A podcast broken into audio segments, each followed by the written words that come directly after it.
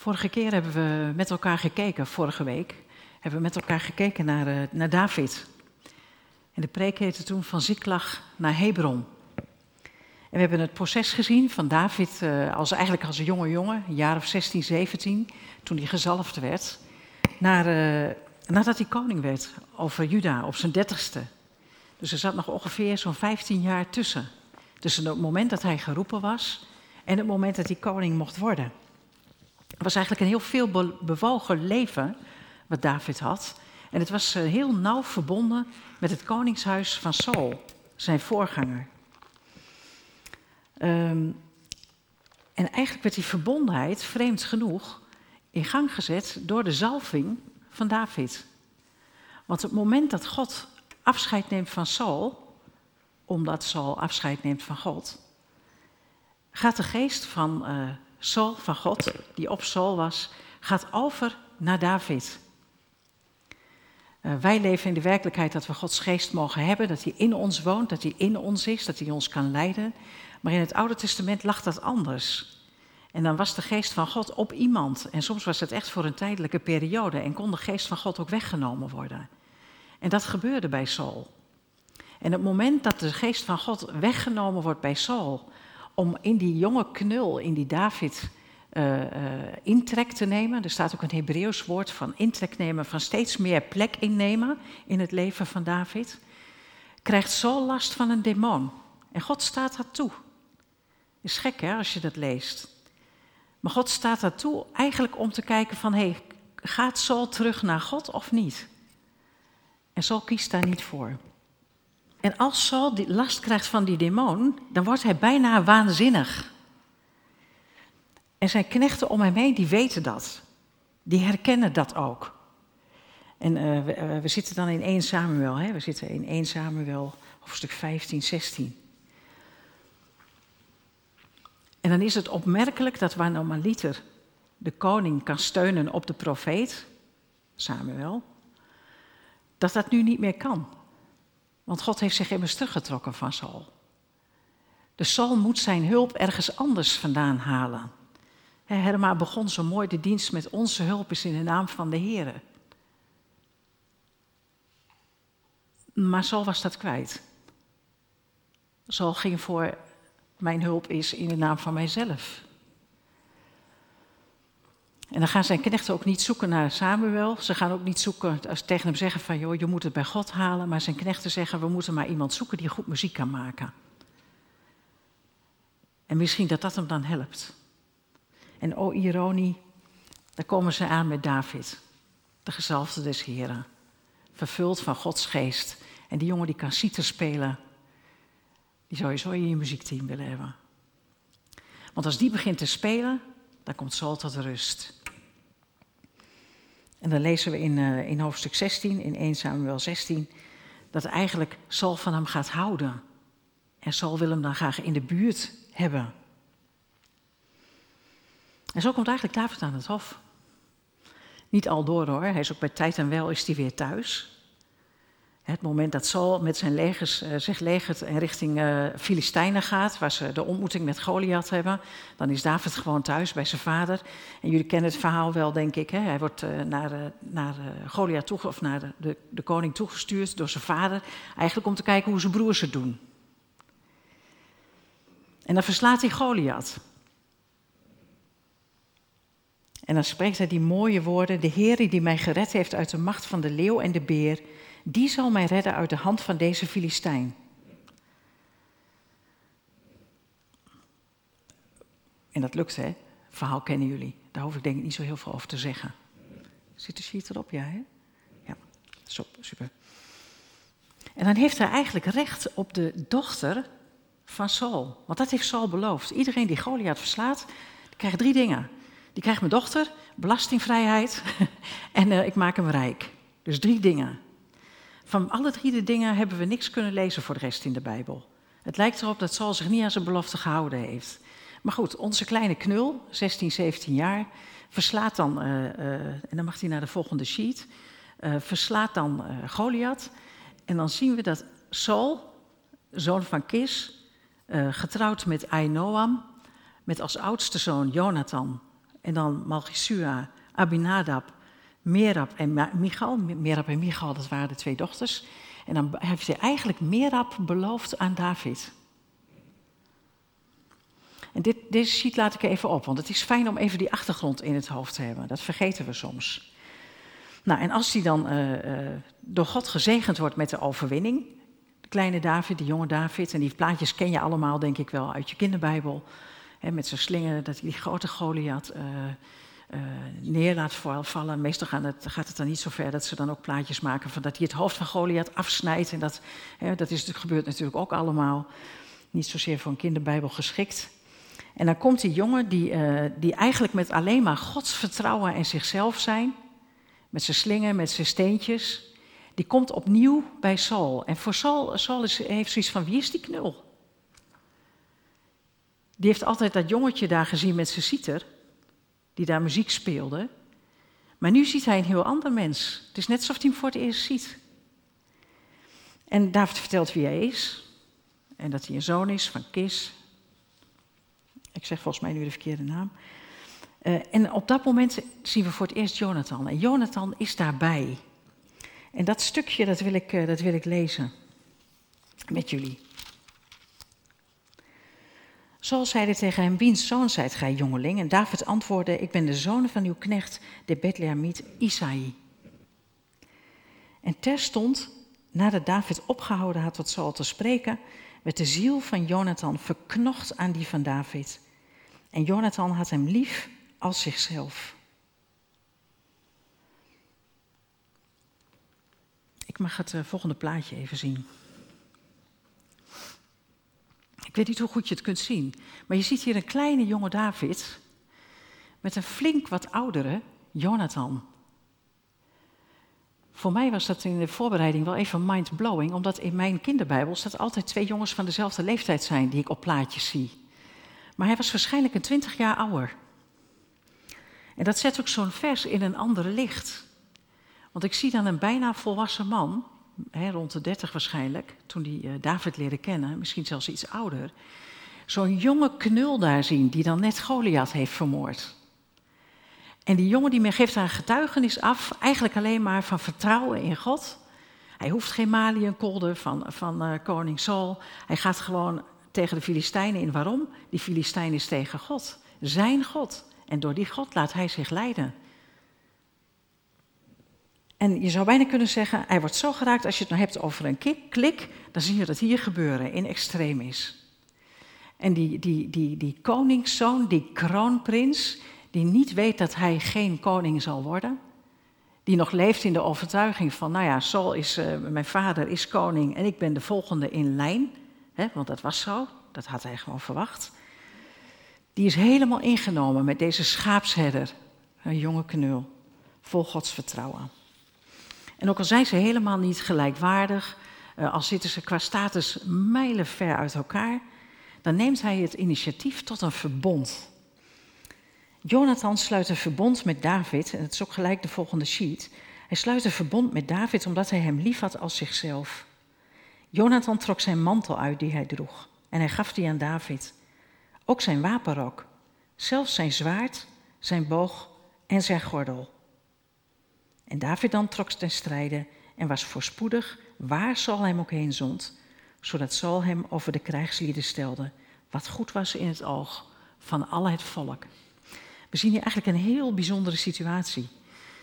Uh, je moet je dat proberen voor te stellen. Een, een uh, kroonprins had een bepaalde mantel, dat was, zijn, uh, dat was ook zijn identiteit, hè, die mantel. Je kent het een beetje van Jozef, die dan ook zo'n hele mooie mantel van zijn vader krijgt. Daar is ook iedereen jaloers op. Maar die had zo'n mooie mantel en daaronder had hij een wapenrok. Die had hij aan. En ik las in een commentaar dat het eigenlijk een situatie is geweest dat, dat hij bij het sluiten van het verbond, waar hij God bij betrok, zijn mantel afdoet, zijn status, zijn waardigheid afdoet. En die geeft aan die jongen, die niks terug kan geven. Dat is een herder, hij heeft niks. Dat is ook een teken dat hij nooit die schatten gekregen heeft hè, van Saul. Maar hij heeft daar niks terug te geven. Hij geeft zijn jas, hij geeft dan ook nog die, die, die wapenrok hè, die hij aan had. Die doet hij uit, die geeft hij aan, uh, aan David maar dan ook nog zijn wapens. Hij geeft eigenlijk alles wat hij heeft. Het is bijna een profetisch gebaar, hè? Hij Hij geeft eigenlijk al zijn koningschap, zijn status, zijn identiteit, geeft hij weg aan David, die jonge jongen. Niet wetend dat. En met dat de vriendschap van David en Jonathan groeit, en dat kan ook, daar is de tijd voor, want op dat moment besluit Saul, ik wil die jongen bij mij aan het hof hebben. En hij wordt uh, op, op uh, vechttochten uh, gestuurd en, en het gaat hem allemaal goed. En die vriendschap die groeit. En tegelijkertijd dat die vriendschap groeit aan de ene kant, bij Jonathan en David, groeit de haat bij Saul, die ziet van hé, hey, maar dit zou hem wel eens kunnen zijn. Dit zou wel eens die koning kunnen zijn die in mijn plek komt. En met dat hij zich dat realiseert, realiseert hij zich ook. En dan kan het twee kanten op. Ofwel hij zegt, hé, hey, dit is wat God gezegd heeft. Dit is Gods wil. Het is niet voor mijn zoon bedoeld. Ik laat het los. Ofwel hij zegt, ik moet een einde aan zijn leven maken. Zodat mijn zoon toch nog de troon kan beklimmen. En het laatste, daar kiest hij voor. En dat kennen jullie. Kennen allemaal het verhaal dat terwijl David zit te spelen, hij met een speer naar David gooit, tot twee keer toe. En twee keer toe weet David het speer te ontwijken. En dan weet hij nog zekerder dat David een bedreiging is voor zijn koningschap. En dan probeert hij het tactisch te doen. Dan denkt hij, oh ja, ik heb eigenlijk mijn dochter aan hem beloofd. Maar ja, het moment dat hij eigenlijk naar David zou moeten gaan, geeft hij die gauw weg aan een andere man. Is echt een belediging van David. David zit daar helemaal niet mee. Want die wil helemaal niet introuwen in het koninklijk huis. Die zit er eigenlijk niet zo op te wachten, moet je maar lezen, is heel, is grappig. Hij denkt eigenlijk van ja, wie ben ik nou eigenlijk om daarbij in te trouwen? Nee, hoeft niet. Maar dan hoort, dan hoort Saul dat zijn andere dochter verliefd is op David. Michal. En Michal kennen we meestal van het andere verhaal, dat David de ark binnenbrengt. En dan in zijn halve blootje daar loopt te dansen en dat Michal zich doodschaamt voor hem. Maar Michal is eigenlijk in de eerste instantie vreselijk verliefd op David. En, het, en als Saul daarachter komt, denkt hij, hé, hey, maar dat is een hele mooie manier om David te pakken te nemen. Ik laat mijn knechten dat regelen met hem, dat hij met haar mag trouwen, maar dan moet hij wel honderd Filistijnen doden en de voorhuiden inleveren. Waarschijnlijk was dat bedoeld om, om te voorkomen dat hij misschien Israëlieten zou doden, maar dat duidelijk was dat het echt Filistijnen waren. En David hoort dat plan aan en die denkt, nou die 100 dat lukt mij wel. 200 lukt hem ook trouwens en dat doet hij ook uiteindelijk. Hè. Dus voor je het weet komt hij terug met 200 voorhuiden, 200 man vermoord en Michal wordt zijn vrouw.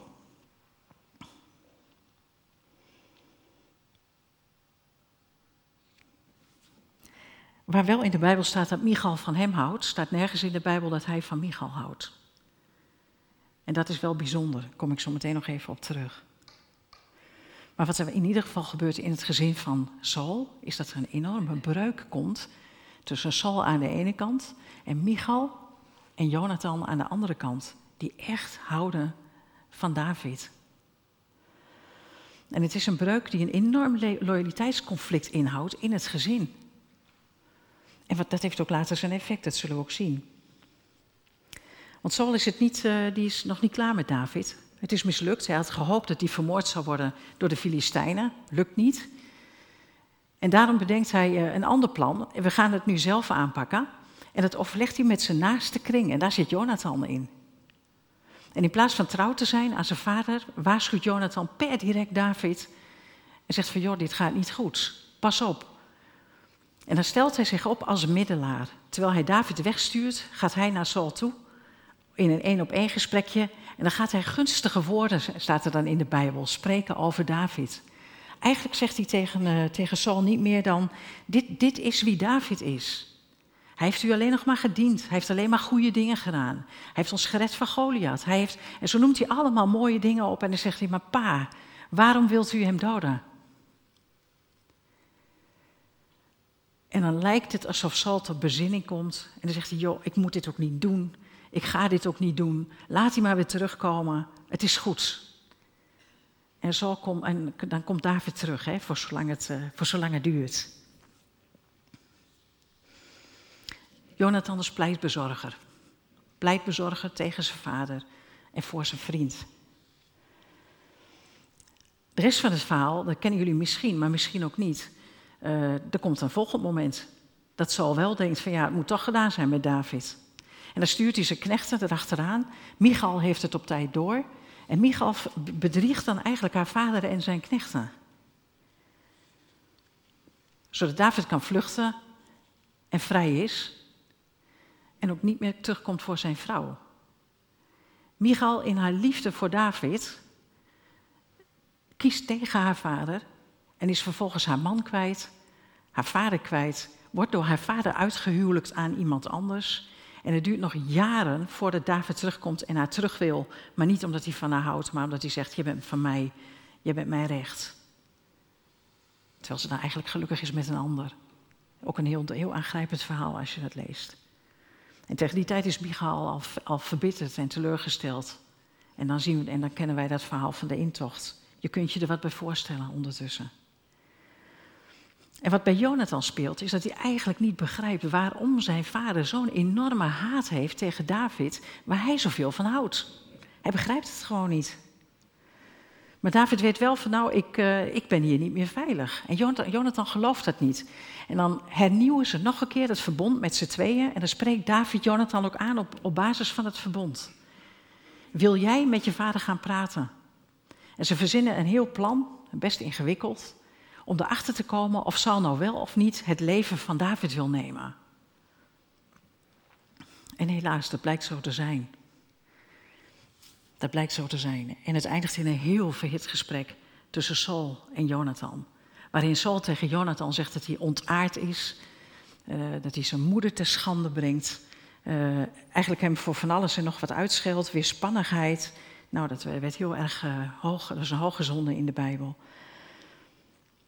En hij geeft hem ook aan dat als hij kiest voor David, als Jonathan kiest voor David, dat dat dan betekent dat hij de troon niet zal bestijgen. Hij wordt zelfs zo kwaad dat hij een speer slingert naar zijn eigen zoon. Zo boos, zo machteloos, woedend wit heet. Maar ook Jonathan is wit heet en diep bedroefd en gaat terug naar, eh, naar David en neemt afscheid. En zo innig als de vriendschap begonnen is, zo innig nemen deze vrienden ook afscheid van elkaar. En David laat alles achter: zijn vrouw, zijn beste vriend, zijn huis. En dan gaat het leven leven van een vluchteling. En daar hebben we het de vorige keer uitgebreid over gehad. En dan wordt het stil over Jonathan tot in hoofdstuk 23. En dan zien we dat hij nog één keer de moeite neemt. David is dan aan het vluchten en die heeft de ene ellende naar de andere. Ondertussen wordt de groep rondom David wordt steeds groter, totdat het bijna 600 man zijn, met vrouwen en kinderen. En dan zoekt hij hem nog één keer op. Dan zit David in de woestijn Zif. En hij is moe. Hij is moe. Hij heeft het echt gehad. Het is hem te veel eigenlijk. En dan komt uh, Jonathan naar hem toe en hij zegt dan die bemoedigende woorden. Jonathan gaat naar hem toe om hem te bemoedigen en te versterken. Vrees niet. Vrees niet, want de hand van mijn vader Saul zal u niet vinden. Gij zult koning worden over Israël en ik zal bij u de tweede in rang zijn. En opnieuw hernieuwen ze hun verbond voor God. En dan gaat Jonathan naar huis. En dat is ook de laatste keer dat we van hem horen dat hij in leven is. Uh, hij blijft loyaal aan zijn vader Saul, die ook gezalfd was. En dan geldt nog steeds het raak mijn gezalfde niet aan. God ook voor Saul. En dat is ook de reden dat David hem nooit te grazen neemt, terwijl hij daar best wel de kans voor heeft. En in hoofdstuk 31, het laatste hoofdstuk van 1 eh, Samuel, dan zien we dat hij het leven laat. In dezelfde strijd waarin Saul zelfmoord pleegt, worden hij en zijn broers vermoord.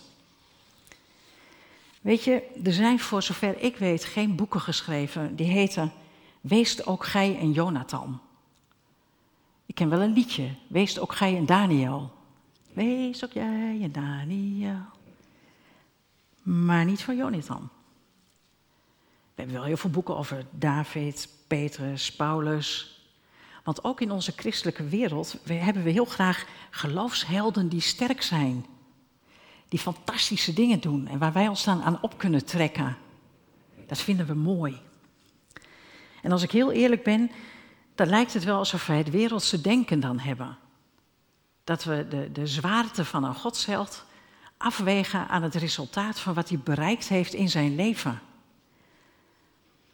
En als je vanuit dat perspectief naar Jonathan kijkt, nou ja, dan is het eigenlijk maar een zielig persoon, een beetje een loser. Het is iemand die nooit koning wordt. Hij heeft een uh, onstuimige vriendschap. Oh ja, dit is de bemoediging. Hij heeft een onstuimige vriendschap met een jongen die uiteindelijk wel de koning gaat worden. Die hem voorbij groeit. Jonathan wordt gedood in de strijd en er wordt nooit een standbeeldnaam genoemd. Sterker nog, ze hebben hem nauwelijks met eer kunnen begraven. En zijn vader maakte keuzes waardoor zijn leven naar de Galamiezen ging. Als Saul andere keuzes had gemaakt, was hij misschien gewoon koning geworden, immers. Misschien was hij wel een beetje een speelbal van het lot. Of misschien vinden we hem eigenlijk wel een slachtoffer. En je leest er verder ook niet zoveel meer over, eigenlijk. Dus ja, wat kun je nou leren van Jonathan? En net als bij het verhaal van David vorige week, kun je het heel oppervlakkig bekijken en dan zie je in dit geval een mooi verhaal, maar wel met een droevig eind. Of je probeert achter de schermen te kijken, en daar neem ik jullie natuurlijk naartoe, naar het karakter van Jonathan. En dan zien we hoe ongelooflijk veel we juist van Jonathan kunnen leren.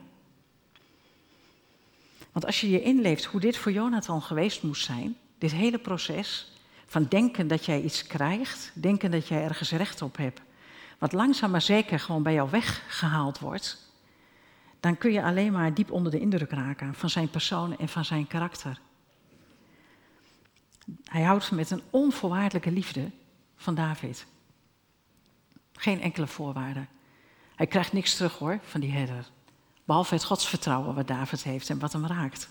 En daar vinden ze elkaar ook in. Hè? Ook verbond wat ze sluiten is niet alleen maar een afspraakje, wat wij dan vaak doen. Maar iedere keer wordt het bezegeld voor God dus. Dus hij neemt het bloedserieus, die vriendschap. Hij maakt een verbond met iemand die hem eigenlijk niks kan geven. En doet dat niet los van God de Vader. Hij had als kroonprins misschien alle redenen om David naar het leven te staan. En we zien dat er geen moment is in zijn leven dat hij het ook maar overweegt. Eigenlijk kiest hij er alleen maar voor om David te dienen. Tegen de klippen op en tegen alles in wat voor hem kostbaar was. Wat je eigenlijk ziet is dat hij Davids belang voor ogen heeft. En dat zijn hele eigen belang, zijn ego, zijn positie, zijn status, dat hij dat eigenlijk minder waardig vindt. Minder waard vindt dan de relatie met David. We zien iemand die optreedt als middelaar. Die heel bewust zegt, joh, ga jij maar even in de schaduw en laat mij het gesprek met, met Saul hebben. Zorg dat jij veilig bent, dan ga ik dat conflict aan. Terwijl Jonathan nog niet bepaald een conflict aangaander was, dat zie je ook in de rest van zijn leven. Hij legt alles af, ook zijn koningschap. En er is geen moment dat hij baalt van. Want zelfs wanneer hij David nog gaat bemoedigen, zegt hij die mooie woorden van, hey, God gaat jou koning maken en dan zal ik wel nummer twee zijn. En dan zegt hij er nog achteraan, ik heb dat niet met jullie gelezen, maar het staat daarna, mijn vader zal dat wel begrijpen. Hij is ook nog steeds loyaal aan zijn vader. Hij heeft niet door wat er werkelijk speelt. Hij gedraagt zich totaal niet als een slachtoffer. Niet. Terwijl je hebt alle mogelijkheden om daar zo wel naar te kijken. En hij laat een totaal ander gedrag zien dan zijn vader. Waar zijn vader iedere keer grijpt naar zijn positie, zijn ego, uh, uiterlijk vertoon, kracht en macht vooral. Geen gezag, maar macht. Is hij degene die iedere keer ook aan David voorleeft? Van David, zoek het bij God. Die eigenlijk David verwijst naar God de Vader. Ook op dat laatste moment nog, als hij hem komt troosten. Ga terug naar de Vader, ga terug naar God. God zal het je geven. En in die zin leeft hij een geloof voor ja, wat voor David ontzettend kostbaar moet geweest. Hij was eigenlijk al door de sparringpartner. En naast dat hij David dus meenam aan het hof, leerde hoe het daar ging, hoe het er daar aan toe ging. De Morris leerde, hem leerde strijden met de wapens die hij hem gegeven had. En was hij ook de sparringpartner op, op mentaal vlak met hem. En dat kon ook, omdat hij een stuk ouder was. Hij zoekt uiteindelijk zijn vriend en hij vindt zijn vriend in de woestijn dat je zou kunnen zeggen, op het moment dat hij eigenlijk volledig aan de grond zit, zoekt hij nog zijn vriend op. Wetend dat zijn vader ondertussen naar die jongen op, op zoek is hè, om hem te vermoorden. Maar hij zoekt hem op en hij bemoedigt hem. En hij gaat gewoon weer terug. En hij verraadt hem niet. Integendeel, hij verkwikt hem en hij eert hem. Gaat er al een lampje bij jou branden? Waar lijkt Jonathan op? Waar is hij een voorafschaduwing van? Ja, van de Heer Jezus op een prachtige manier. Want ook de Heer Jezus schaamde zich niet om onze broeders en zusters te noemen, staat in de Bijbel. Ook Christus had de zijne lief en hij heeft hun lief gehad tot het einde. Ook Christus legde zijn heerlijkheid af. Hij werd aan de mens gelijk. Hij doet afstand van alles wat goddelijk is. En vervolgens geeft hij ons alles wat we nodig hebben om de goede strijd te kunnen strijden. En ook Christus zoekt ons op in onze zwakheid en zegt dan, joh, hoe erg het ook is, hoe moeilijk je het ook hebt, hoe alleen je ook bent, hoe groot het onrecht ook is, mijn genade is jou genoeg. Zoek het bij mij. In Jonathan zien we eigenlijk Christus in zijn handel en wandel. En het verbaast me wel eens dat we zo vaak horen dat David een voorafschaduwing is van Jezus. Maar als ik dan kijk naar die beide levens, is Jonathan dat minstens ook en misschien nog wel veel zwaarder. De man in de schaduw, Jonathan, is eigenlijk steeds opnieuw beschikbaar voor God. En daarmee kan hij David mee klaarmaken voor de roeping die op zijn leven ligt. Hij is degene die de koning moet worden van Israël. En hij is degene waardoor de Messias uiteindelijk in dezelfde lijn op de troon komt te zitten in Israël. Jonathan heeft zoveel goede dingen gedaan om hem uh, uh, op die plek te kunnen zetten. En het heeft dat alleen maar gekund uh, omdat hij zichzelf terugtrok. Begrijp je wat ik bedoel? Als hij maar een klein beetje ego had gehad, als hij maar een moment had gehad van ja, maar wacht eventjes zeg, waar gaat dit naartoe eigenlijk? Als hij twee seconden geluisterd had naar zijn vader, dan had dit heel anders gelopen, dit verhaal. Maar David is gekomen waar David moest zijn, omdat er iemand was die in de schaduw wilde staan, zodat David in het licht kon komen te staan.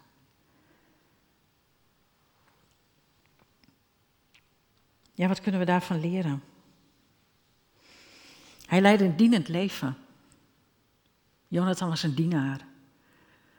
Jonathan was bereid om niet op de voorgrond te staan. En Jonathan was bereid om in te leveren. En de vorige keer hebben we het gehad over David en zijn we ook geëindigd met wat mag het je kosten?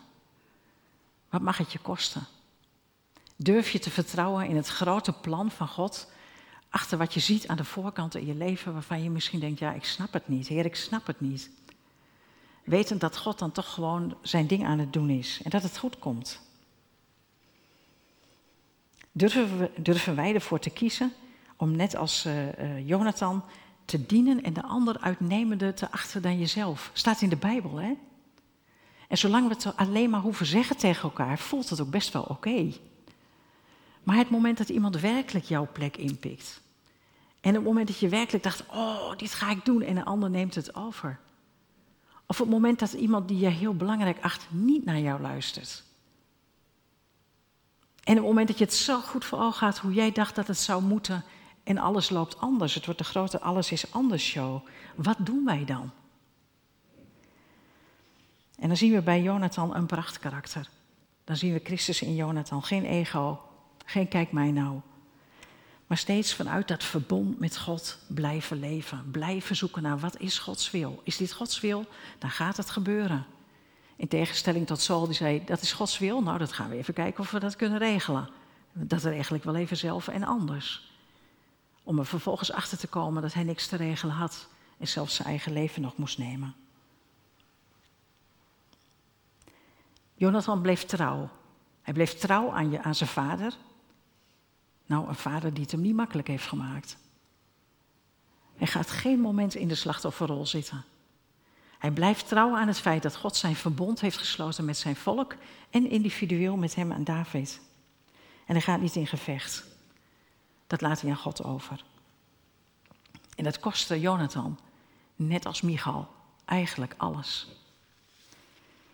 En waar wij dan vaak de mooie christelijke boeken hebben met prachtige verhalen, dat het aan het eind dan helemaal goed komt, komt het gewoon niet goed met Jonathan. Hij sterft. That's it. En toch was er geen andere weg om te realiseren wat er moest gebeuren. David op die troon. En de Messias als komend uit het geslacht van David. Ik heb hier heel lang over nagedacht over deze preek. Het zou heel makkelijk zijn geweest om over Saul te preken als tweeluik naast David. Want dan kun je tenminste, die kun je tenminste tegen elkaar afzetten. Hè? David die gewoon God blijft volgen en Saul die dat niet doet en waar die dan uitkomt. is veel makkelijkere preek eigenlijk. Ik vind deze preek veel meer pijn doen. Dit schuurt, hè? dit jeukt. Omdat ik denk, ja weet je, soms gebeuren ons echt dingen die we niet fijn vinden. En die ook niet oké zijn. En die het ons moeilijk maken. En misschien wel die je naar beneden halen. In je werk, in je zijn. En niet iedereen heeft grote, meeslepende ervaringen met God. Zou ook maar gek zijn als we dat allemaal zouden hebben. Dan werd het heel erg druk. Iemand zei tegen mij van ja, weet je, God heeft ook werk bij je nodig. Ik dacht ja, nou laat mij dan maar een werk bij zijn. Laat mij dan maar lekker werken met God. En niet in dat ego vervallen. Door het leven van Jonathan blijkt dat Gods hand daar zeker in is. Alleen hij heeft het zelf niet gezien. Hij heeft het niet doorgehad, hij heeft het niet geweten. Hij heeft alleen geleefd vanuit de volledige overgave van wat God wil, dat gaat gebeuren. Nou, ik denk dat wij allemaal in ons leven dingen hebben meegemaakt die we echt niet snappen. Misschien nog niet als je heel jong bent, dat kan. Maar misschien toch ook weer wel. En dat je dan mag weten, leven vanuit dit vertrouwen dat Gods hand in jouw geschiedenis is. En misschien ben jij niet die groots en meeslepende boekenschrijver, die voor grote conferentiezalen uh, mensen tot uh, geestelijke hoogten brengt. Misschien mogen we gewoon op zijn tijd een Jonathan zijn, heel trouw, in kleine dingen en in grote dingen. Onszelf wegcijferend, niet omdat we zo nederig zijn op een verkeerde manier, maar omdat we bereid zijn de weg te gaan die God van ons vraagt. Ook als dat geen rise and shine weg is. God gebruikt Jonathan, die bereid is om de prijs te betalen. Het mag hem letterlijk alles kosten. En hij doet dat voor de positie van iemand anders en niet eens voor zichzelf. Hoe staan wij ervoor?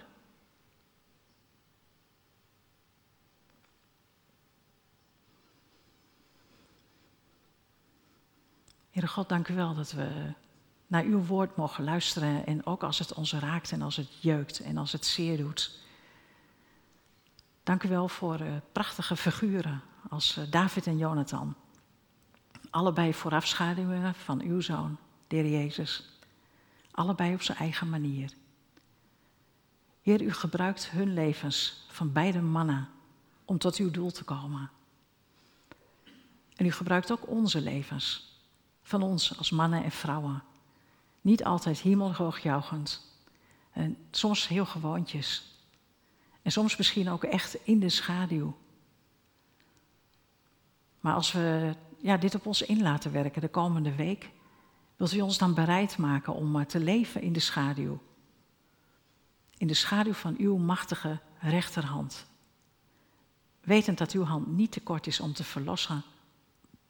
En wetend dat uw hand met onze toekomst bezig is, op weg naar dat hemels Jeruzalem. Heer, we willen u loven, prijzen en danken voor schurende verhalen in uw woord, die ons tot denken zetten. Amen.